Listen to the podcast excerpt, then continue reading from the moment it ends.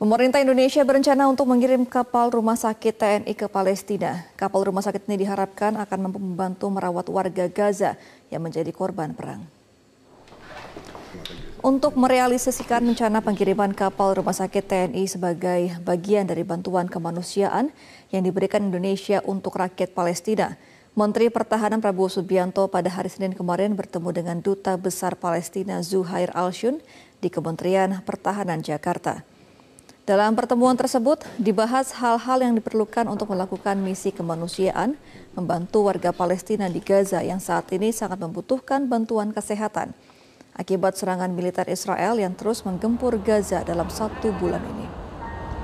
Pemerintah Indonesia juga tengah berkoordinasi dengan pemerintah Mesir dalam proses pengiriman kapal rumah sakit.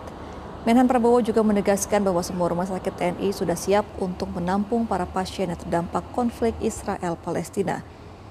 Kapal rumah sakit TNI rencananya akan segera dikirim oleh pemerintah Indonesia begitu diizinkan oleh negara Mesir.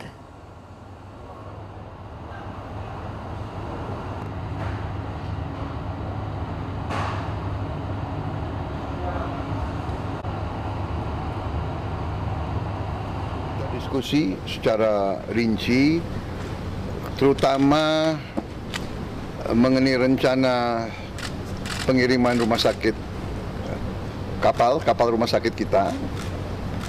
Uh, dan uh, ini akan segera ditindaklanjuti. Mudah-mudahan akan ada uh, koordinasi yang baik. Atas izin Bapak Presiden, saya siap terbang ke Kairo untuk koordinasi dengan Menteri Pertahanan Mesir dan berjumpa mungkin beberapa tokoh di kawasan itu.